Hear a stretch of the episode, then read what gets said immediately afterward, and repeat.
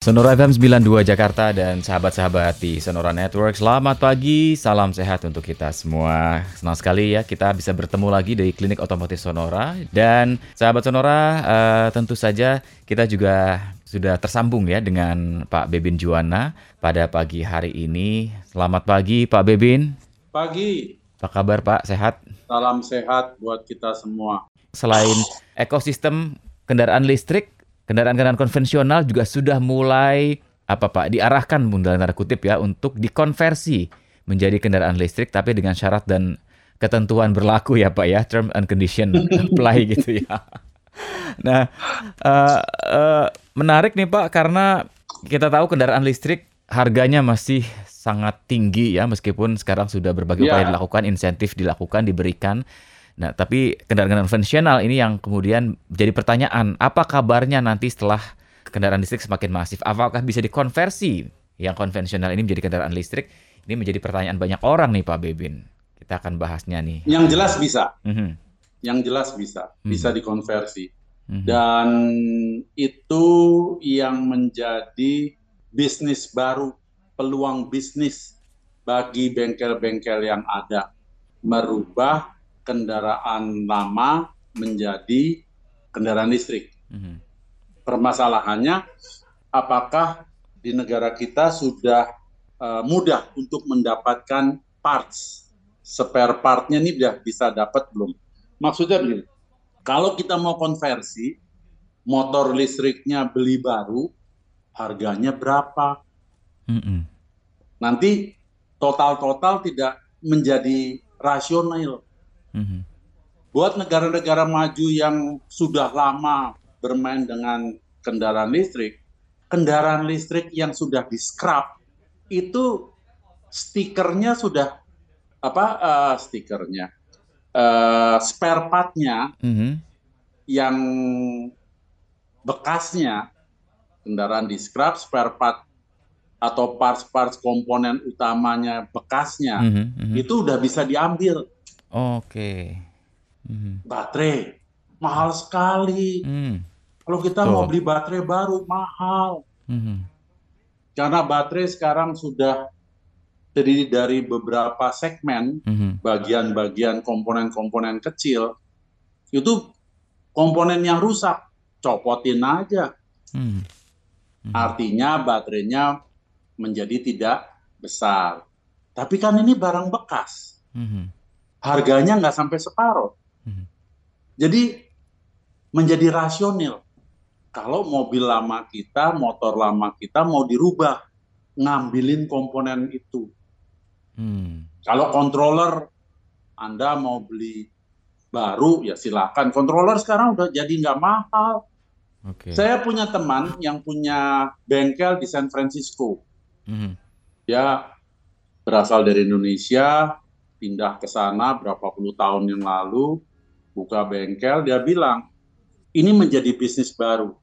Orang datang bawa mobil lamanya mm-hmm. tahun 90-an, tahun 80-an, kalau dipertahankan, dimodalin spare partnya, sudah menjadi tidak logis. Mm-hmm. Karena diganti spare partnya pun belum tentu uji emisinya lolos. Yeah. Paham ya? Betul di negara maju urusan uji emisi itu urusan serius dan hmm. sudah nggak pakai gembar-gembor, sudah nggak pakai mau nyegat di jalan. Hmm. Ya, itu udah masuk dalam sebuah sistem. Ada mekanismenya. Mobil yang sudah berusia sekian tahun itu wajib periksa uji emisi ulang.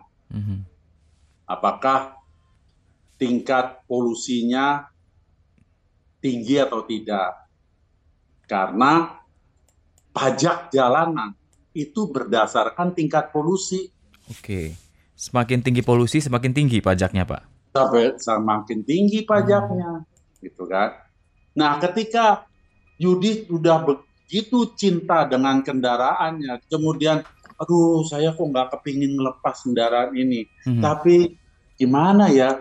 Makin lama polusinya makin tinggi, pajaknya makin. Nah, pada saat itulah akan terbersit Ya udah saya rubah jadi kendaraan listrik saja.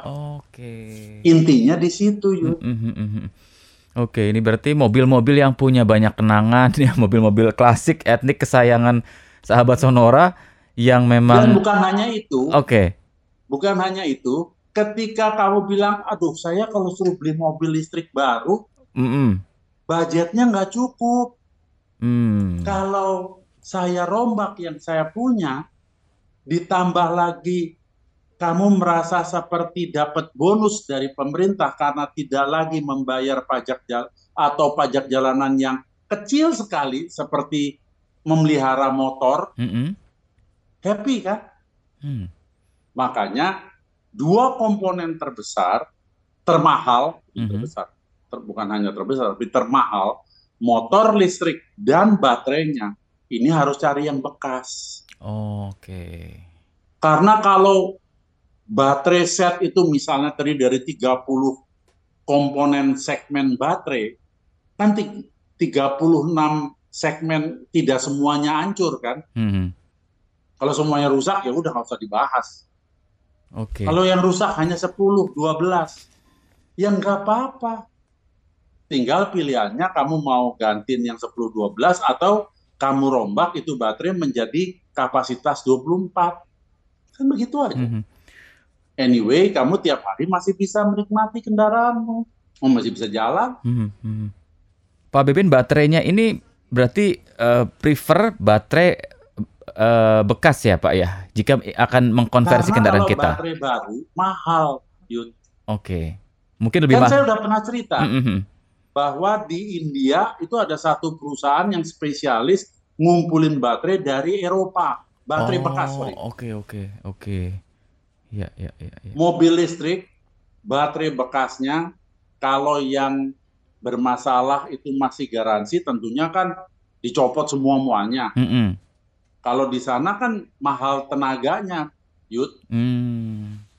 Iya. Suruh nyopotin satu-satu, empat, bi- empat Baterai. komponen dari 40 atau 36 segmen baterai, terus di apa dikemas ulang itu kan namanya juga masih apa warranty Iya, iya.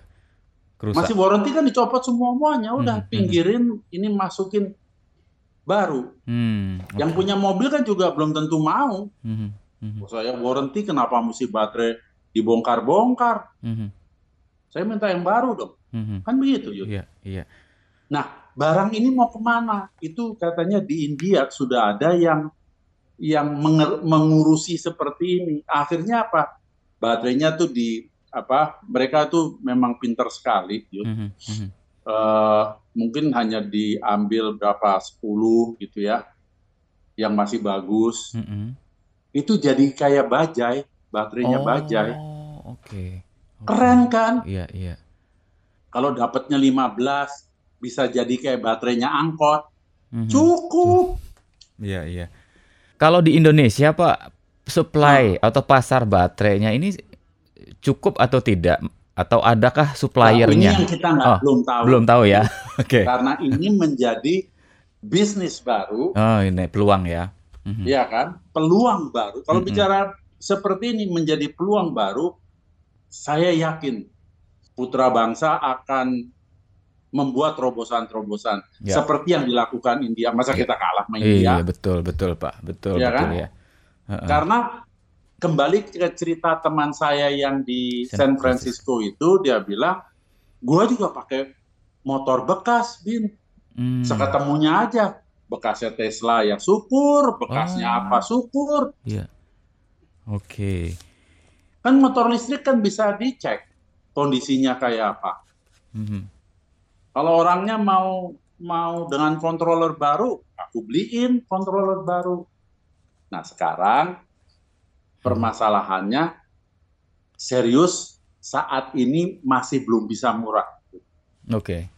Di Masih. sana mereka mengat- eh, teman saya mengatakan itu biaya apa? Converse dari konvensional. mesin diprotoli, Heeh, ini. heeh. Eh, tinggal pilih eh, transmisi masih mau dipakai apa enggak, Hmm. gitu kan? mhm.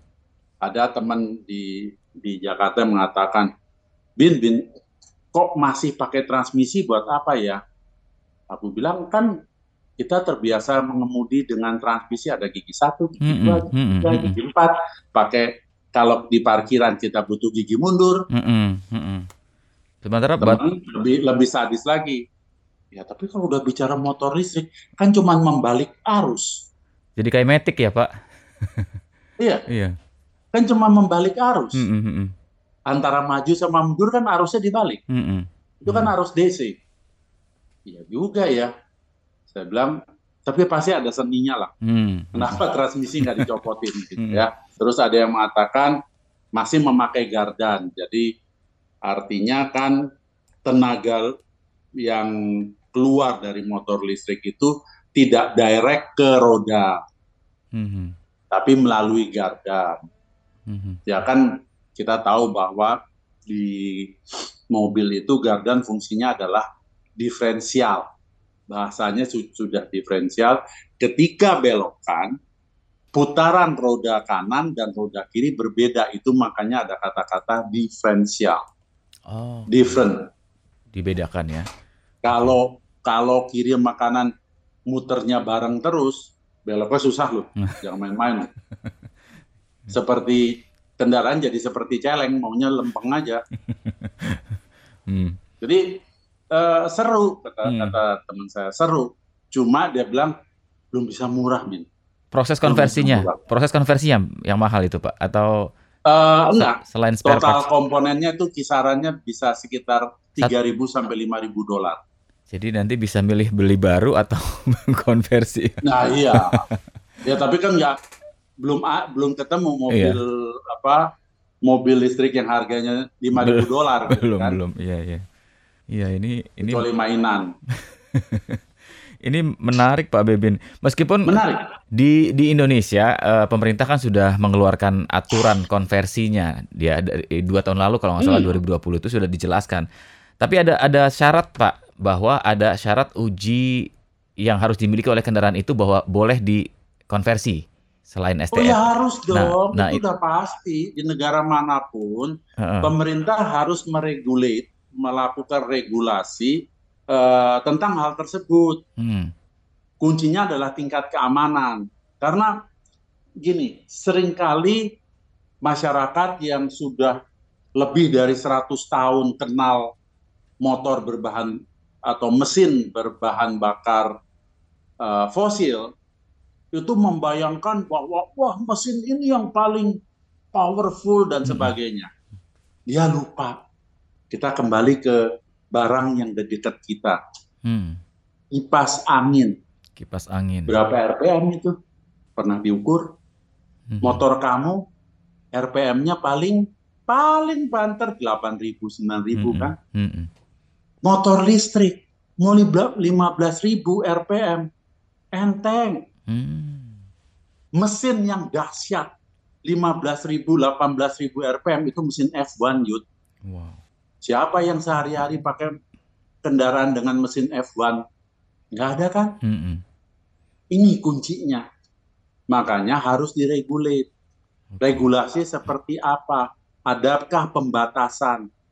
Pembatasan power, pembatasan torsi, mm -hmm. dan bagaimana dengan sistem pengamanan? Masalahnya kalau kita berpikir bahwa Yudi punya kendaraan kenang-kenangan dari ayah. Mm kendaraan tahun 60-an. Nah, lo mau dibikin jadi listrik, remnya mumpuni apa enggak? Karena spare part remnya juga sudah nggak ketemu, terus Yudi uh, akhirnya ke Asam Reges, sepatu remnya model Pantek. Hmm. Iya, Masih iya, ingat iya. model Pantek? Hmm. Hmm, hmm, hmm. Sekarang udah jarang ya. Asam Reges ya. Artinya kan mesti dimodifikasi remnya udah nggak mumpuni Yud betul mungkin suspensinya juga harus di, di apa dibenahi kenapa saya katakan saya jadi teringat gitu ya Fiat tahun 60 mulai tahun 60 62 64 gitu punya almarhum ayah mm -hmm. yang tahun 60-an itu bisa lari 80 aja. Wah, kita udah sorak gitu. Yeah. Serius. Buka jendela hore. Bayangin Jakarta Semarang 12 jam. Wow. 12 jam. Jadi kamu sudah bisa bayangkan remnya kualitasnya kayak apa, suspensinya kayak apa. Buat yang bisa lari 60 maksimum 80, 80 itu udah ngeden. Mm-hmm. Salah-salah mesinnya panas, tau nggak yuk? Mm. Jadi minggir di tengah sawah, di pinggir sawah. Berasap ya. Wah, tadi sih terlalu seneng digas terus. Ini mesti tunggu adem dulu. Gila nggak coba? Hmm.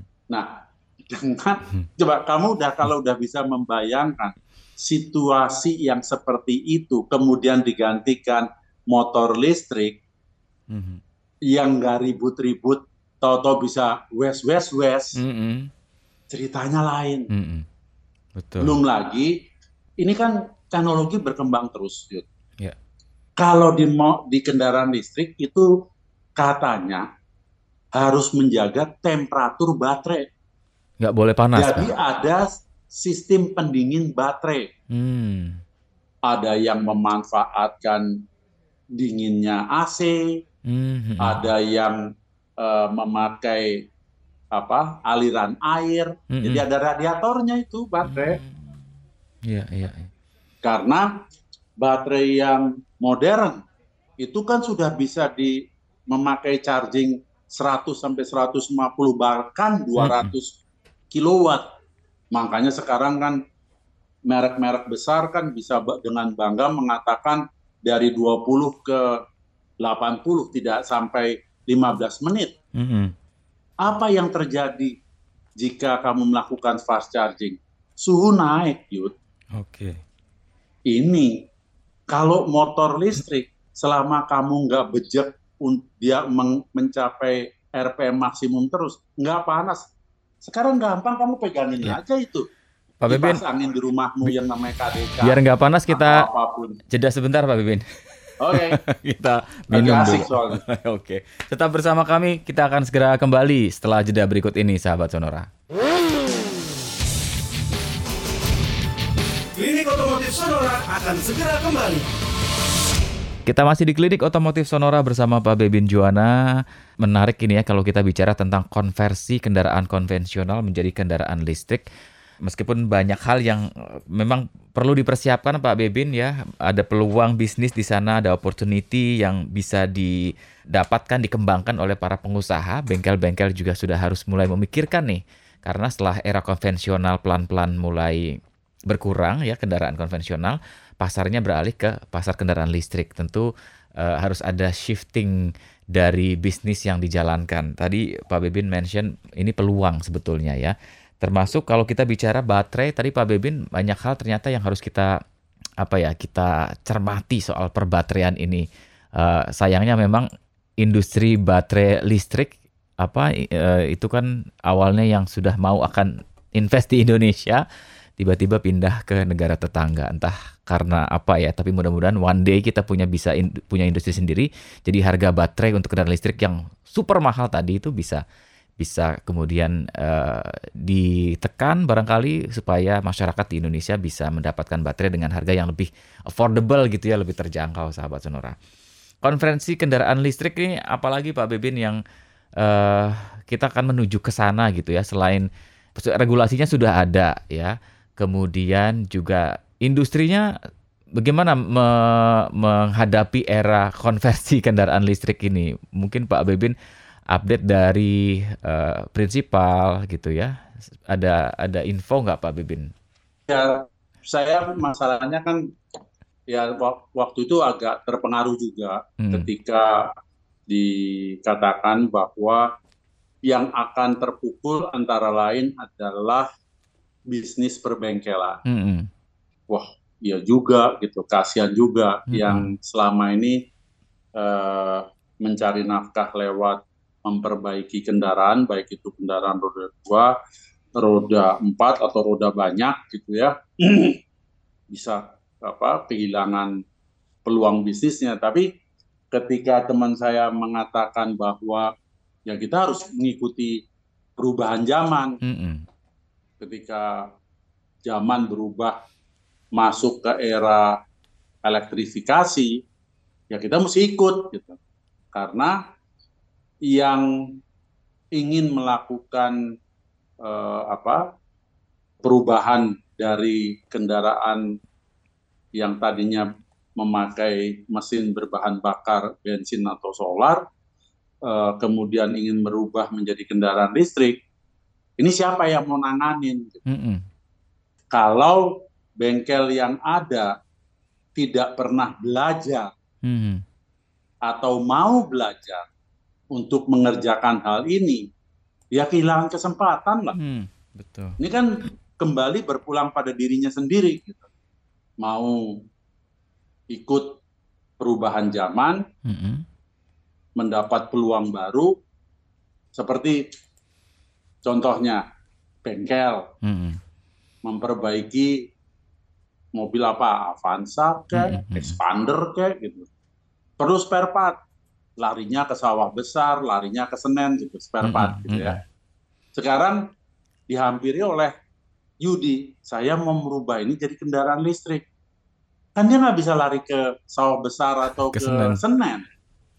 Akhirnya apa? Buka website. Mm -hmm. Barang ini, saya butuhnya barang A, B, C, D, E, F yang ini dapatnya dari mana, yang ono dapatnya dari mana, mm-hmm. belinya semua online, ya kan? Mm-hmm. Saya pernah uh, apa uh, berbicara sama teman, kirim aja lewat ini, lewat kantor pos. Sekarang kantor pos kita udah bagus kok. Mm-hmm. Bukan yang berbulan-bulan nggak sampai-sampai. Sekarang takutnya apa masuk kantor pos? kecuali Anda berniat tidak bayar biaya masuk. Hmm. Karena di kantor pos kan semua jelas. Masuknya barang ini kan masuk kode pos yang eh kode pos, masuk apa tarif pos yang mana? Hmm. Bayar pajaknya. Kamu bayar pajaknya selesai, barangnya ambil. Hmm. Mau barang itu datangnya dari UK, mau barang itu datangnya dari Ukraina, mau barang itu datangnya dari Detroit, dunia ini kan udah bisa dijangkau dari mana-mana. Nah itu yang saya katakan bahwa dunia perbengkelan pun jadi sudah beda. Mm-hmm. Yang tadinya cuma suruh si Ujang lari sebentar ke sawah besar dapat gitu ya. Koil apa beli busi empat atau terot yang kiri gitu kan. Ini terot kiri masih dibutuhkan gitu. Mm-hmm tapi mencari motor listrik bekas kan begini ini kayaknya motor listriknya nggak bisa terlalu gede deh karena di kolong mau ditaruh di mana atau di mesin mau taruh di di sebelah mana kan seperti gitu mm -hmm. ini Yud yang mm. yang sebetulnya asik mm -hmm. asik untuk untuk dipelajari ya buat mereka yang muda-muda yang yang masih punya uh, yang masih panjang lah hmm. perjalanan uh, apa kariernya. Kalau memang dunianya adalah dunia perbengkelan, this is the new world. Gitu hmm. Challenging, ya. Bukan bukan bukan ngurusin yang hal-hal yang yang lama seperti zaman saya masih di kolong mobil gitu. Ini seru. Yeah. Tadi kan kita hanya bicara soal uh, mobil, mm-hmm. bisa mobil, bisa pick up gitu. Saya melihat kendaraan-kendaraan umum yang kecil itu sebetulnya cukup menarik loh Yud untuk untuk melakukan transformasi atau konversi. Mm-hmm Serius, yang model angkot-angkot itu menarik. Yeah. Dan itu menjadi industri bukan industri besar. Cuma urusannya adalah siapa penyuplai hmm. komponennya. Bagaimana mendapatkannya?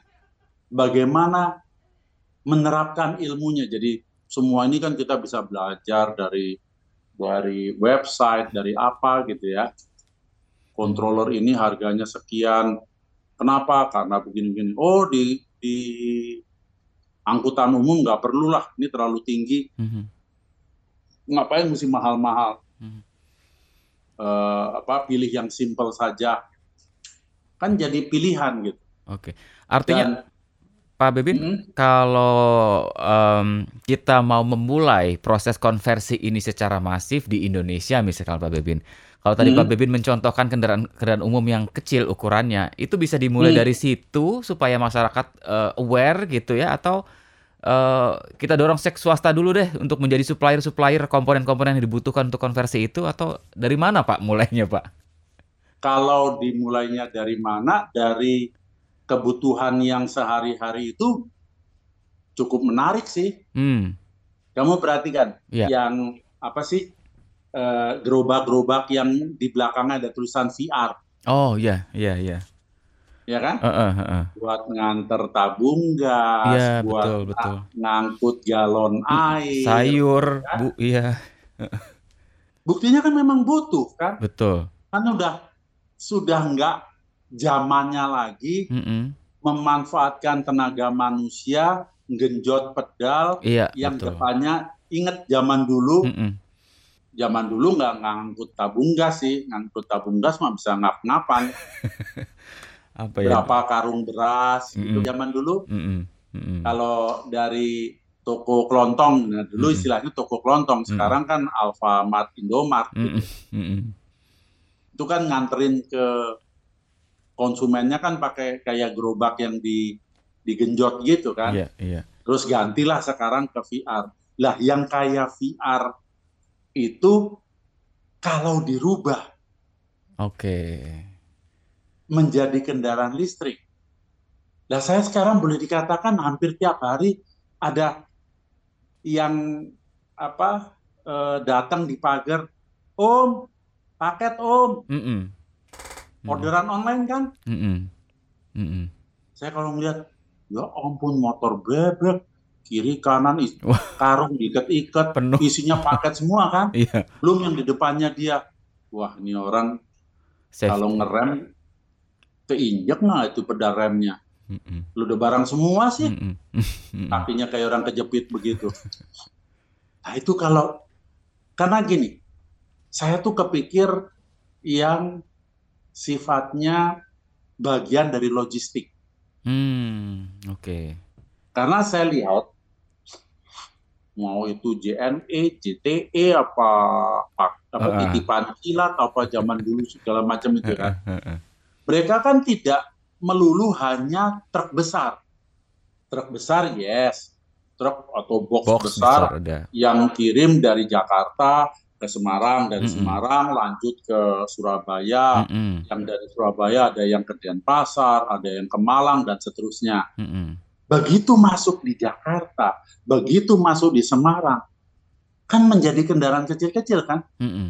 box yang segede carry mm -hmm. yeah. coba kalau kendaraan itu kita mulai dari situ bagian yeah. dari logistik memakai kendaraan listrik hmm, menarik nih ini dan sering kali bo, kalau di Jawa loh ya, saya melihatnya ya, bodinya tuh masih bagus-bagus terawat. Mm-hmm. Ini... Nah kalau tidak terlalu mahal jatuhnya melakukan modifikasi, toh juga kalau mobil boxnya dijual harganya tinggal berapa gitu kan? Mm-hmm. Nah dirubah aja jadi listrik. Betul. Uang pajaknya juga jadi beda. Mm-hmm. Pajaknya kan tinggal seperti tadi saya katakan uh, seperti kamu melihara motor bebek. Mm -hmm. Yeah. Ini di bensinnya menjadi beli pulsa listrik. Mm -hmm. Di poolnya mereka, misalnya kalau Jakarta dibagi lima wilayah, dari itu dipecah-pecah lagi mm -hmm. per kecamatan misalnya. Mm -hmm.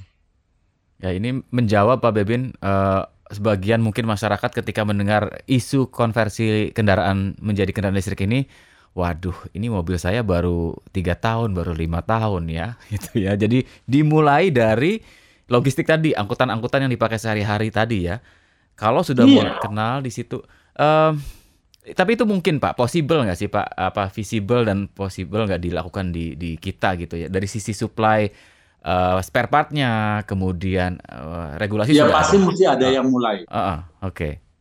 yang melihat ini sebagai peluang bisnis ini cuman is matter of time kok. Hmm. Saya yakin nggak lama lagi ntar ada hmm.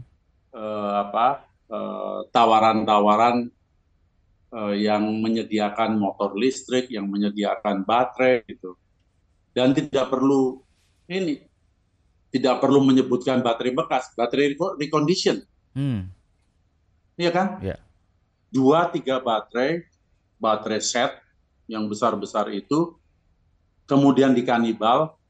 Kalau di negara barat mau melakukan itu, mau melakukan itu di Jepang misalnya, tenaga orangnya kan terlalu mahal. Mm -hmm. Tapi kalau dilakukan di tempat kita, wah dengan senang hati. Mm. Yeah. Dapat satu setengah baterai X kanibal misalnya. Tinggal nunggu lagi nih, siapa tahu dapat satu baterai lagi nih yang bisa melengkapi baterai kedua misalnya. Mm -hmm. Ya kan? Yeah. Akhirnya apa? Menjadi baterai yang harganya terjangkau dan mm. kalau tadi saya katakan bahwa itu bagian dari dari apa uh, logistik, mm -hmm. kan pemikirannya kan tidak perlu wah 100 km per hari per charging, kan nggak sampai segitu. Mm -hmm. Orang nganternya di dalam satu kecamatan kok. Iya, iya ingat. Mungkin 60-80 kilo cukup. Cukup. Habis habis melakukan apa eh, satu putaran gitu kan, balik ke poolnya nunggu apa orderan uh, berikutnya paket yang atau barang-barang yang datang lagi, mm -hmm. dia lakukan charging. Hmm. Yang seperti ini kan pada akhirnya kan tidak terlalu mengandalkan kepada SPKLU. Di rumah pun bisa ya Pak ya? Di ya di, di gudang dia lah iya. istilahnya. Mm-hmm. Kalau gudang itu kan kebanyakan juga saya lihat ruko kok iya. yang dijadikan gudang mereka gitu mm-hmm. kan. Mm-hmm. Bisa. Mm-hmm. Sambil nunggu lakukan charging. Jadi make sense maksud saya logis gitu loh mm-hmm. untuk dilakukan. Nah, yang pernah kita himbau di klinik otomotif Sonora dan saya sampaikan juga ke media-media lain bahwa langkah yang mengawali perubahan ke kendaraan listrik itu harus dari public transportation. Oke. Okay. Jangan lupa jangan terus memborba apa e, masyarakat dibombardir dengan himbauan untuk beralih ke kendaraan listrik hmm. sementara masih banyak angkot yang knalpotnya ngebul. Hmm. Hmm. Karena mereka itu perlu dibantu. Oke. Okay. Mereka beli beli bensin 20 ribu aja udah berat tuh, Saya tanya, kenapa hmm. Pak berat? Kan saya naik angkot di Bekasi. Kenapa berat? Iya Pak, sekarang orang pada punya motor semua. Jadi yang naik kendaraan saya nggak banyak. Oke. Biar nggak berat kita jeda sebentar Pak Bebin. Oke. Okay. Nanti kita lanjut lagi di satu jam yang kedua, sahabat Sonora uh, masih bersama Pak Bebin Juana di Klinik Otomotif Sonora. Anda yang punya pertanyaan boleh silahkan langsung saja kirimkan ke 0812 112 9200. Klinik Otomotif Sonora akan segera kembali. Ya, Sonora FM 92 Jakarta, News, Traffic, and Music, sahabat-sahabat di Sonora Network dan juga Anda yang menyaksikan melalui layar YouTube ya di kanal YouTube Sonora FM. Kami live streaming hingga pukul 12 waktu Indonesia Barat nanti. Lika-liku kendaraan, lika-liku konversi kendaraan listrik ini menjadi tema menarik memang ada efek multiplier yang diharapkan ketika konversi ini sudah dilakukan di Indonesia secara masif ya bahwa akan ada penyediaan lapangan kerja, kemudian juga jasa-jasa bengkel akan semakin variatif untuk menawarkan jasa konversi tadi ya dan yang pasti juga sahabat sonora prosesnya itu cukup panjang dan uh, dalam setiap proses akan ada banyak peluang di sana yang bisa diambil oleh uh, kalangan pengusaha barangkali. Tapi yang menarik Pak Bebin ini ada uh, apa namanya kritik juga mungkin masukan terkait dengan hmm. Konversi kendaraan listrik ini, terutama datang dari teman-teman asosiasi gabungan kendaraan industri kendaraan bermotor ya Pak, Pak Bibin. yang mengatakan bahwa memang harus lebih hati-hati nih untuk uh, melakukan konversi ini karena uh, speknya ya dari sisi kendaraannya berbeda. Contohnya misalkan dari kapasitas bahan bakar jika tangki misalkan 60 sampai 70 liter sekarang dengan baterai yang 500 sampai 600 kg itu juga harus menjadi perhatian bobot baterai yang sedemikian berat itu yang nanti tentu akan berpengaruh kepada sistem suspensinya, Kemudian juga kritik lain atau masukan lain yang harus dipertimbangkan adalah terkait dengan hak cipta produsen mobil yang akan dikonversi. Ini uh, mobil listrik juga sering katanya uh, oversimplify. Kalau Pak Bebin melihatnya bagaimana nih pandangan dari teman-teman asosiasi gabungan industri kendaraan bermotor ini? Kalau soal berat tangki yang tadinya 60 liter, mm -mm artinya kan beratnya paling banter 50 kg itu. Kemudian baterainya mungkin lebih dari 100 kilo mm -hmm. ya. Saya melihat bahwa ini dinamikanya dari uh, dunia perbengkelan yang akan dengan cepat untuk belajar, belajar melakukan penyesuaian. Nah, ini yang yang ya kalau tidak pernah dimulai kan nggak tahu kendalanya apa, tantangannya seperti apa. Memang kalau dikatakan bahwa perubahannya kok jadi apa sangat simpel gitu. Mm-hmm. Ya itulah yang namanya perubahan. Tadi disebutkan soal apa? Uh, hak uh, paten ya Pak? Hak paten, hak paten yang mana gitu? Hmm, hak cipta. Di dunia hmm. yang maju pun tidak tidak lagi menyinggung soal hak paten di negara kita mau ribut dengan hak paten gitu. Mm-hmm. Coba deh yang mengirimkan WA lebih diperjelas. Mm-hmm.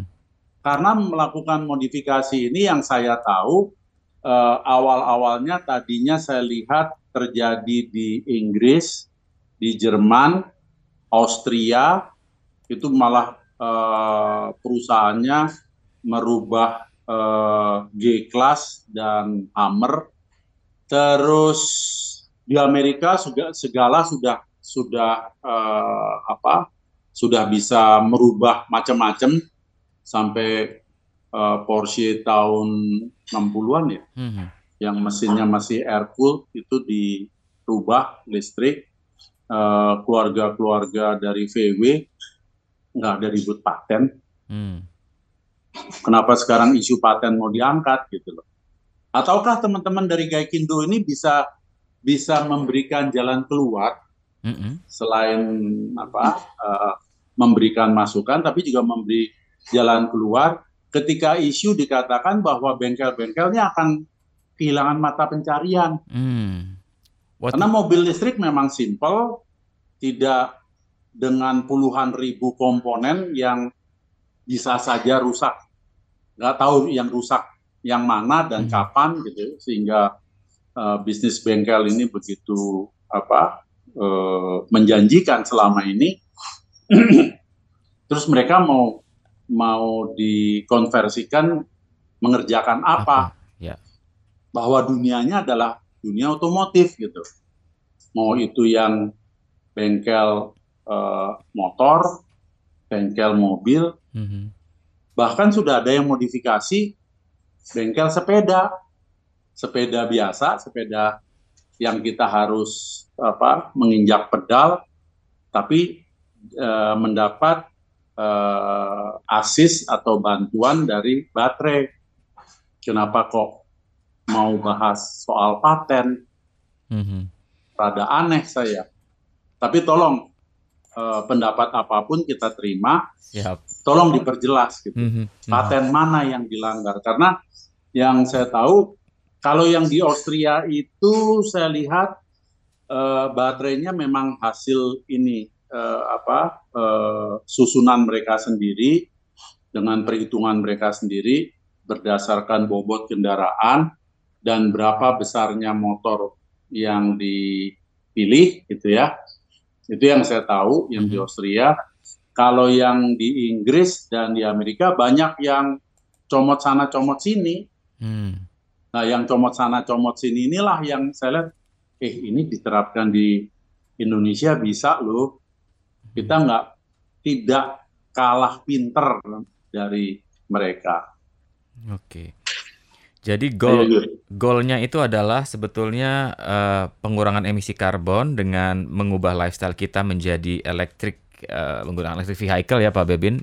Tujuannya ya. ke sana yang terbaik buat society buat masyarakat gitu ya. Uh, hmm. bicara paten atau juga apa hak cipta sebetulnya uh, tidak terlalu problem ya kalau memang eranya ya, justru menuju ke sana. Supaya ya. jelas mm -hmm. karena ini kan katanya dari Gaikindo, mm -hmm.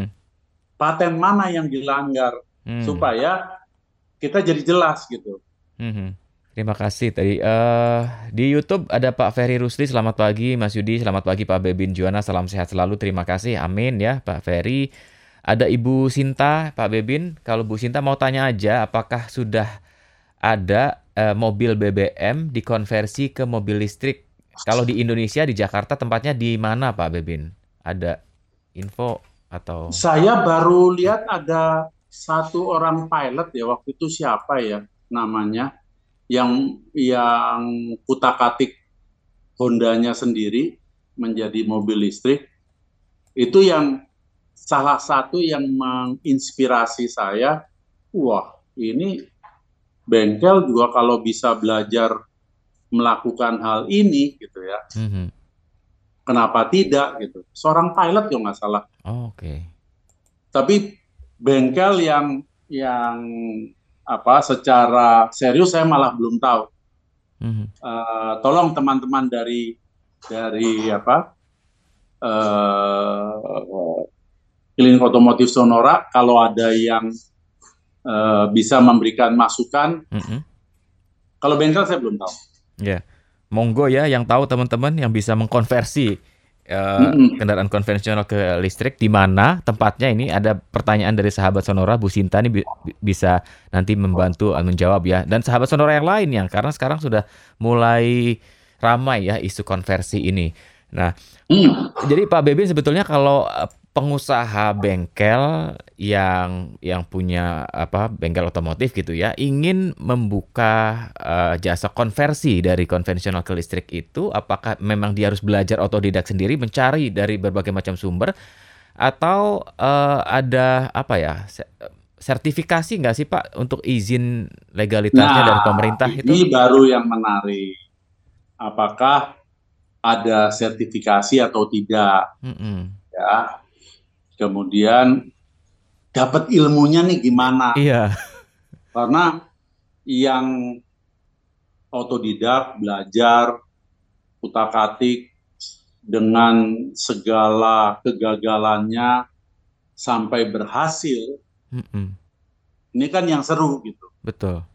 Karena banyak yang berusaha mencari jalan pintas. Gitu. Mm -mm. Ya, tapi ya itulah kehidupan sehari-hari gitu ya. Karena yang saya dengar waktu itu juga eh, apa pernah masuk ke ke klinik otomotif Sonora, mm -hmm. ada yang melakukan konversi itu di mana ya di Jogja atau di mana, mm -hmm. yang mengatakan bahwa uji cobanya untuk eh, mendapat kendaraan tersebut, kendaraan terkait mendapat eh, sertifikat laik jalan mm -hmm. itu hanya di Jakarta. Oke. Okay. Nah, karena bengkel-bengkel ini bermodal kecil, bahwa kendaraannya ke Jakarta kan tidak murah. Apakah nanti dalam hal ini siapa yang melakukan uh, uji laik jalan? Apakah Departemen Perhubungan atau gimana? Mm -hmm. uh, bisa uh, apa membangun membangun apa itu namanya station-station uji mm -hmm. uji laik di misalnya Jawa Barat, Jawa Tengah, Jawa Timur gitu sehingga yang apa melakukan modifikasi itu misalnya dilakukan di Kota Malang ya mm -hmm. masa ia mesti digotong ke Jakarta iya yeah, iya yeah. ya kan mm -hmm. ini ini ini menjadi tantangan berikutnya. Mm-hmm. Ini ya, ya, ya. betul. Bu Sinta juga bilang kalau ini bisa dilakukan pasti sesuatu yang luar biasa. Tapi saya setuju harus dipastikan dulu kompetensi, keamanan dan legalitas yes. Saya setuju ya Bu Sinta ya. Uh, saya saya belum baca detail sih uh, aturan dari Kementerian Perhubungan apakah di dalam uh, kebijakan tentang konversi itu diatur juga tentang kompetensinya gitu ya Pak ya. Uh, seperti uh, Pak Dede ini ada yang sharing Pak Bebin uh, di daerah Kalimalang katanya ada bengkel spesialis motor listrik udah bisa konversi satu Supra ke motor listrik. Kita pernah bahas juga beberapa waktu yang lalu ya sahabat Sonora. Jadi ada ada di daerah Kalimantan. Cuman um, detailnya seperti apa, kemudian apakah sudah berapa unit yang dilakukan, seberapa banyak yang dilakukan ini juga belum belum pernah sharing nih Mas Dede kalau boleh sharing boleh nih Mas Dede ya. Kemudian juga oh ini ada sharing Oh ini kirim videonya juga nih Mas Dede nih link link video dari yang ya. yang sudah dikonversi ya. Baik. Terima kasih. Kemudian juga ada tadi ada Pak Sherwin ya, Pak Sherwin. Oke, kita tunggu Pak Sherwin sedang typing. Makasih. Menarik ya, sahabat Sonora. Uh, Bu Sinta, saya sepakat ya bahwa PR selanjutnya ketika ini sudah dilakukan masif, kemudian juga melibatkan banyak, uh, ada pasarnya semakin banyak orang yang akan mengkonversi. Uh, tentu dibutuhkan kompetensi, keamanan dan legalitasnya karena hasil dari konversi itu tentu harus kita pikirkan nih safety-nya kemudian ya setelah digunakan. Klinik Otomotif Sonora akan segera kembali. Klinik Otomotif Sonora masih bersama Anda bersama Pak Bebin Juana. Siang hari ini sahabat Sonora lika-liku konversi kendaraan listrik ini menjadi topik menarik karena pemerintah menargetkan bahwa di tahun 2025 ada 6 juta motor konvensional yang dikonversi menjadi motor listrik. Jumlah ini merupakan target dari target besar ya dari konversi kendaraan konvensional ke listrik 2030. Begitu juga untuk uh, mobil ya selain 13 juta tadi dengan target ada 2 juta mobil listrik ya sampai tahun 2030 ini juga ditargetkan dikonversi menjadi uh, listrik ini tentu menjadi peluang ya uh, untuk para pelaku usaha di dunia perbengkelan, di dunia otomotif.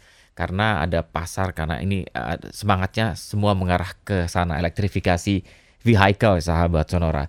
Terima kasih. Tadi ada yang sharing juga Pak Bebin dari Pak Sherwin. Ini dulu pernah ada diskusi dengan Pak Bebin di kos juga. Ia di Jawa Tengah harus uji coba ke Jakarta, tapi saya lupa juga nama bengkelnya. Kalau tidak salah Beraja Elektrik di Surabaya, Pak Bebin. Tapi masih hmm, tapi ya, ya, ya, ya.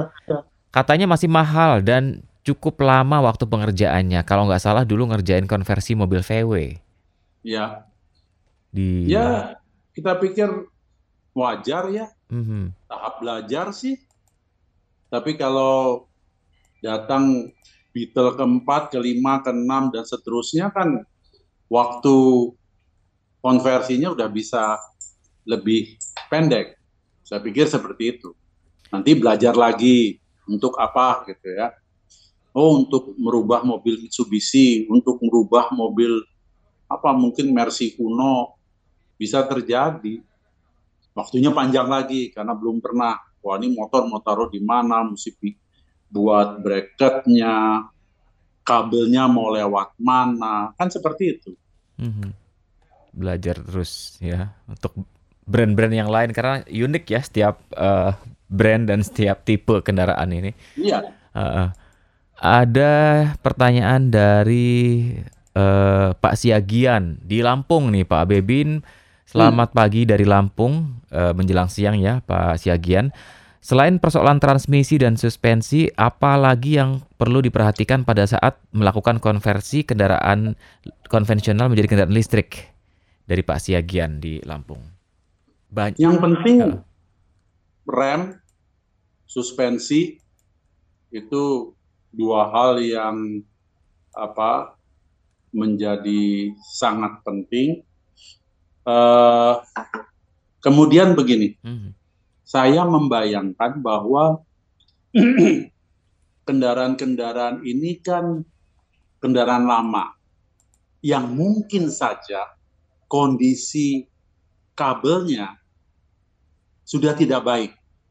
Nah, bukankah ini saatnya untuk melakukan upgrade atau perbaikan atau peremajaan dari kabel-kabel listriknya. Hmm. Ya kan? Iya. Yeah. Nah, kita belum belum bahas gitu ya bahwa eh, yang kita tahu sehari-hari itu kelistrikannya mobil atau motor kan 12 volt. Saya sudah pernah membahas di klinik otomotif Sonora bahwa Audi dengan cerdasnya merubah yang 12 volt menjadi 48 volt. Mm -hmm. Nah, kendaraan listrik ini yang saya belum tahu tadi akan memakai jalur listrik yang berapa. Okay. DC berapa volt. Saya nggak yakin kalau kalau memakai sistem 12 volt gitu. Kalau ini benar, perkiraan saya benar bahwa tidak lagi memakai DC 12 volt, artinya jaringannya kan harus dibangun sama gitu. Hmm. Kecuali Anda di dalam satu kendaraan mau punya dua sistem gitu. Oh, lampu sama wiper saya yang masih sistem lama. Hmm. 12 volt terus terus ngambilnya dari mana? Kan gitu. Hmm. Apakah ada ada apa alat yang saya juga belum tahu mm-hmm. yang memisahkan oh untuk penggerak memakai misalnya 48 volt atau berapa volt gitu ya. Mm-hmm. Sedangkan untuk lampu, wiper, apalagi central lock gitu. Mm. uh, power window masih sistem yang lama 12 volt gitu. Speedonya tuh pakai jalur lama apa jalur baru. baru. Makanya saya tidak heran dikatakan uh, Beraja Motor uh, Surabaya uh -uh. waktu menceritakan pengalamannya makan waktu berbulan-bulan. Pasti yang hal-hal yang tidak terpikirkan di masa lalu menjadi sesuatu yang harus dipertimbangkan. Hmm. Ya nggak? Iya, iya, iya. Kalau swap engine kan di negara kita sudah banyak yang melakukan. Mm-hmm. Wah, mesin diesel, kol diesel itu handal sekali, mm-hmm. Tidak rewel. Jadi kalau mesin diesel lain rusak, buang aja, beli di apa uh, mesin diesel bekas, mesin kol bekas, pasang, mesinnya dipasang, bikin dudukan dan sebagainya. Kan tapi sistem masih 12 volt. Mm -hmm. nggak pernah mikirin itu. Mm -hmm. tapi ketika sekarang di kendaraan listrik nah lo baterainya outputnya berapa motor penggeraknya berapa lah ini speedometer lampu-lampu indikator eh, tadi kita sudah bahas eh, wiper itu heater kaca belakang yang supaya kalau pagi tidak ngembun, mm -hmm. ya kan? Atau musim hujan tidak ngembun, lampu kan kita kenalinya kan do yang kita kenal selama ini kan 12 volt. Hmm. Nah ini mau keluar jalur berapa? Mau pakai dua sistem atau pakai satu? Kan kita nggak tahu. Karena saya juga uh, terus terang belum sampai mendalami misalnya Ionic 5 itu pakai berapa hmm. volt lampu depannya yang kotak-kotak itu itu mm -hmm. tuh sebetulnya berapa volt sih gitu kan mm -hmm. LED-nya ini yang menarik ini yang ya kita sama-sama belajar. belajar betul betul proses belajar. perintilannya gitu. banyak ya pak ya ternyata. Banyak. Yang tidak terpikir sebelumnya iya. jadi harus dipikirin. Ini jadi tantangan sebetulnya pak untuk para ya. teman-teman yang di lapangan ya. Uh, ya. Uh, uh, uh, uh, Uh, apakah mungkin Pak Bebin di saat uh, kan ini targetnya 2025 saja sudah cukup banyak di target pemerintah yang akan dikonversi. Ada pilihan nggak sih selain dikonversi ke dalam listrik full atau masih dibuat dengan versi hybrid Pak? Itu akan lebih berat mana atau pilihan-pilihan itu akan seperti apa Pak di masa depan gitu ya? Jadi tetap konvensionalnya. Sebetulnya kalau konversi menjadi hybrid sih total ya. Mungkin saja hmm. ya. Tapi saya merasa kok sepertinya lebih sulit gitu. Hmm. Saya membayangkan penempatannya aja sudah sudah bingung gitu. Karena apa? Tangki tadi nyebut ada yang menyebutkan soal tangki bensin uh -uh. gitu ya. Uh -uh. Emang tangkinya mau dirubah diperkecil. Hmm. Yang tangkinya tadi 60 liter mau dirubah jadi 40 liter. Nyari tangkinya ke mana gitu. Hmm. Ya Loh, supaya apa kok bat ini apa tangki mau dirubah? Lah kan mesti nyari tempat buat baterai. Hmm. Walaupun baterainya tidak sebesar kendaraan listrik, hmm. itu baru satu. Hmm. Belum yang lain ya. Belum yang lain-lain. Sumber penggeraknya selama ini mesin. Lah kalau sumber penggeraknya mesin iya, motor listrik iya. iya. Wah, artinya kita kan udah jadi sekelas pabrikan dong. Iya, iya. Misalnya hmm. roda peng, apa roda depan penggeraknya adalah uh, mesin. Roda penggerak belakang motor listrik gitu. Hmm. Mau gantian sistem pergantiannya seperti apa? Berhenti dulu. Hmm. Switch. Ah, sekarang listrik, mesin mati. Kita nggak pakai bensin ya. Atau gimana? Saya tidak membangun sugesti enggak. Mm -hmm. Tetapi saya membayangkan kompleks ya pak. rasanya lebih kompleks. Iya iya. Terus motornya mau taruh di mana? Gitu. Itu baru motor kan. Mm -mm. Perangkat kelistrikannya yang yang punya si sistem hybrid itu mau di mana? Karena ruang mesin kan udah diisi sama mesin. Iya. Seperti apa adanya, seperti sekarang tapi kalau bicara mengurangi polusi, iyalah. Hmm. Ketika dijalankan 30 km misalnya, mesin nggak usah nyala, cukup listrik. Begitu baterainya sudah di bawah 10 persen, switch mesin yang nyala. Hmm. Kan artinya kan sudah mengurangi kan. Hmm. Untuk menjangkau 50 km mesinnya hanya hidup untuk 20 km terakhir. Hmm. Jelas sudah menurunkan polusi hmm. baru dari satu kendaraan. Tetapi effort yang harus dilakukan berat banget. Hmm. Kalau dari lebih simpel ke full listrik baterai elektrik. Baterai elektrik ya. Kalau sekarang kan insentif banyak nih Pak untuk mobil listrik ya, ganjil genap hmm. gitu ya. Dari sisi uh, pengaturan lalu lintas dan angkutan jalan nanti ke depannya uh, idealnya seperti apa sih Pak untuk para pengguna kendaraan listrik ini setelah dikonversi gitu ya. Otomatis akan ada perubahan perubahan STNK mungkin ya, ada perubahan atau eh, saya juga kurang kurang begitu paham sebetulnya ya. Ada ada ada hal yang berubah tentu saja kan dari dari perubahan konversi ini imbas dari konversi dari konvensional ke listrik ini, Pak? Ya sebetulnya perubahan ini akan Besar. banyak gitu ya. Dari kebiasaan-kebiasaan lama kita juga akan akan berubah. Mm -mm. Semua harus ter uh, apa sudah ada plannya gitu. Mm -mm. Gak bisa tidak bisa apa spontanitas melakukan ini dan itu karena SPKLU juga belum banyak. Mm-hmm. Ini kan masa masih masa-masa transisi ya. Betul. ya. Memang saya terpikir bahwa ini ketika kendaraan listrik semakin banyak, artinya kan sudah tidak tidak mengenal gage. Mm-hmm. Dan pendapat pribadi saya sekarang ini gage itu seperti apa ya jalan keluar sementara hmm. mengatasi kemacetan di ibu kota. Seharusnya ada pengaturan yang lebih lebih apa ya permanen daripada gage.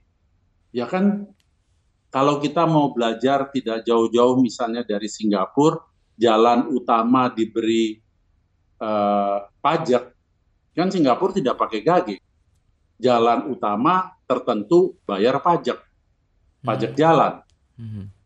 yang uh, langsung memotong saldo gitu ya. Itu peraturan lebih permanen ketimbang gage, karena gage uh, apa ya sekarang ini aja, menurut saya jadi aneh gitu. Gage lah diperluas, hmm. sehingga masyarakat harus semakin mencari alternatif lain, membuat kepadatan di titik-titik lain yang bahkan simpul-simpul kemacetannya sudah sulit diurai. Karena kapasitas jalannya sudah nggak masuk di akal, dua mobil papasan aja susah, tapi everybody berpikir saya akan lewat situ. Hmm. Karena gage. Kucing-kucingan ya Pak? kan cuma kucing-kucingan akhirnya. Pinter-pinteran mana gitu. Ketimbang, ya sudah, dengan segala kesadarannya, Yudi mau lewat Sudirman Tamrin karena bis, apa, bisa lebih cepat sampai ke rumah, ya bayar lewat situ. Hmm. Dan yang bayar bukan hanya roda empat loh, Yud. Rod Ingat loh. Semua moda? Semua. Oh, Oke. Okay. Except public. Oke. Okay. Bus saya tidak lihat ada tatitut-tatitut potong saldo, nggak ada. Taksi juga kena deh. Hmm. Taksi kena, iya. Taksi swasta komersial ya Pak? Iya. Ya, pokoknya taksi kan plat kuning. Ya. Oh, kalau kalau apa? Online? Model taksi online apalagi, oh, iya. nggak ampun. Iya. Nggak ampun, motor aja kena kok. Hmm. Taksi online. Yang nggak kena bus. Nggak ampun, harus. Sehingga Anda merasa perlu nggak sih lewat situ? Ini kalau udah sudah bicara perlu atau tidak perlu, sedemikian urgent atau tidak, mm -hmm. kan beda daripada ilmu kucing-kucingan. Trotoar diperlebar buat orang jalan kaki, eh malah buat parkiran motor sama dagang ini. Starling. sayur. Starling. Itu yang terjadi tuh di depan yeah. mata saya tuh tiap hari. Iya. di sekitar situ banyak banget lagi, Pak. Aduh. Iya. Sama itu apa? Starling. Kopi keliling Kopi keliling Starling. Starling. Ya, lanjut yuk. Dari Pak Yohanes Widagdo, Pak Bebin. Kalau hybrid katanya mending ba beli baru kayak Nissan Kick katanya, Pak. Iya. saya setuju. Daripada karena kalau tadi kan saya katakan effortnya luar biasa, ya memang sih Anda menghemat listrik ketika masih dalam satuan batasan misalnya 100 kilo, yuk. Oke, dalam kota oke ya, Pak? 100 kilo, uh -uh. hybrid, hybrid yang yang kita bahas tadi, uh -huh. Anda berhemat 30 kilo memakai tenaga listrik, Anda memakai bahan bakar bensin 70 kilo. Hmm.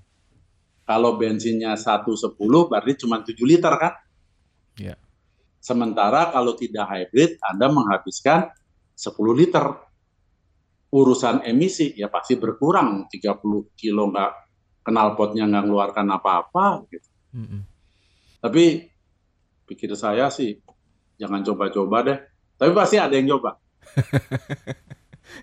Kalau jangan saya coba malah kepingin kepingin berbahas dengan pionir-pionir apa ya uh, sebetulnya itu menjadi tokoh otomotif Indonesia masa depan loh kalau mereka-mereka yang yang bisa melakukan apa trial seperti itu.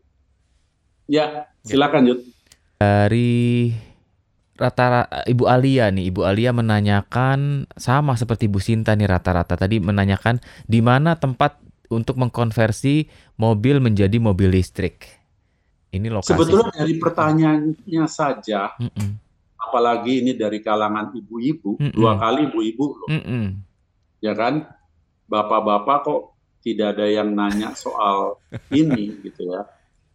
Saya melihat me, apa memahaminya sebagai sebuah entusiasme pemilik kendaraan yang mungkin berpikir bahwa daripada saya harus mengeluarkan dana yang sangat besar untuk membeli mobil listrik yang baru, kenapa tidak saya memakai mobil yang sekarang ini yang dilistrikkan. Hmm. Kan pemahamannya seperti itu. Saya salah nggak sih Yud kalau berpikir hmm. seperti itu gitu. Mungkin bapak-bapak berpikirnya ah, saya mendingan beli mobil baru daripada itu dikutik-kutik. Mungkin berpikirnya begitu hmm. kan. Hmm. Hmm. Tapi uh, ibu-ibu mungkin dengan pertimbangan yang lain. Hmm.